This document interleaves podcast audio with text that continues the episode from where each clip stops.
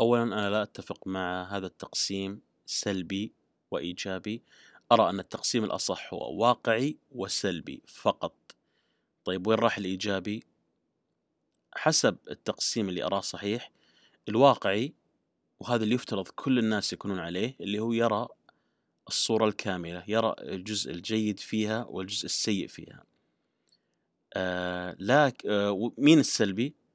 الشخص اللي ينظر لجزء واحد فقط من الصورة سواء جزء سيء أو جزء جيد.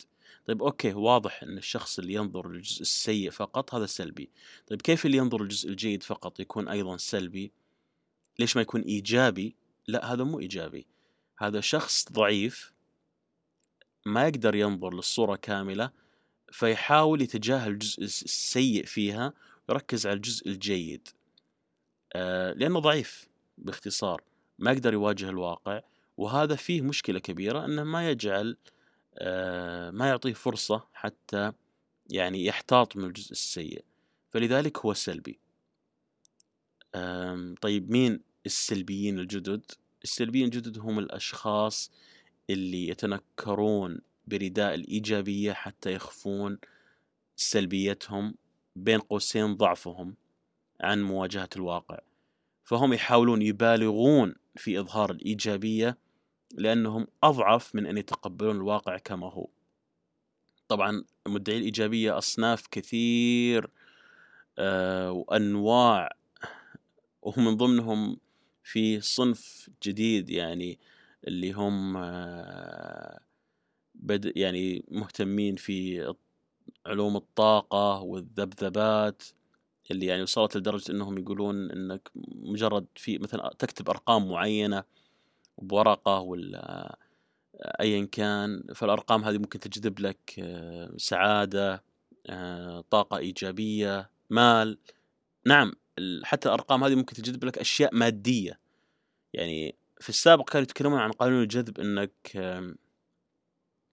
مثلا آه، تبغى مثلا في بالك سيارة معينة مثلا بس إنك مثلا تجيب صورة للسيارة وتناظرها يوميا ثم يعني السيارة راح تجيك. آه، طبعا فكر كل مدعي الإيجابية. طبعا هم من ضمنهم أيضا في من ضمنهم بعض المهتمين في تطوير الذات واللي يقدموا النصائح عن الحياة. آه، فهؤلاء فكرهم يقوم حول مبدأ واحد فقط. مهما تنوعت أفكارهم ومؤلفاتهم و... ومقولاتهم كلها تتمحور حول مبدأ واحد فقط بسيط هو إنكار المشاكل. هم يحاولون يهتمون في حل مشاكل الناس. فكيف يحلون المشاكل؟ يعني بأسهل طريقة باختصار ينكرون وجودها أصلا فبالتالي ما يحتاج يحلون المشاكل. يعني نعم الفكرة سخيفة لكن هذا هذا هو ال... هو للأسف مبدأهم. طبعا هم ما يصرحون بالشيء هذا لكن هذا اللي يعني للأسف يستنتج من مبدأهم آه، أو يستنتج من أفكارهم عموما. يعني تلاحظ دائما مقولاتهم يحاولون ينكرون وجود المشاكل أصلا آه، يوهمون الناس إنه إن أصلا ما في مشاكل هم فقط نظرتهم مختلفة عن الحياة ولو عدلوا نظرتهم شوي فقط يعني بتتحسن حياتهم وإن الحياة مادة ذراعيها لهم فقط يحتاج إنهم يعني يعني يبادرون بس وبعدها راح تنحل كل كل مشاكلهم. آه طيب هل أفضل يعني هل طيب ممكن شخص يقول طيب هذا أفضل إن الشخص يكون عنده أمل أفضل من إن يعني يعيش كئيب وحزين لكن الأمل ما يكون أمل كاذب. لابد يكون أمل واقعي. عشان الانسان يحتاط من الأشياء السلبية اللي ممكن تكون حوله. يعني ابدا هذا مو شيء آه يعني هم بالضبط مثل اللي يعامل المريض آه، ينكر وجود المرض ويعطي مسكنات للمريض وما يخليه يعني ولا يعطيه فرصة إنه يتعالج لأنه ينكر وجود المرض ويعطيه مسكنات فبالتالي المريض ما راح يتعالج ما راح يهتم لصحته ما راح آه، يحاول يحتاط إن المرض مثلا ما يتفاقم. لذلك يعني ضررهم واضح جدا. وابدا هذا مو شيء إيجابي ولا فيه فائدة من إنكار الواقع.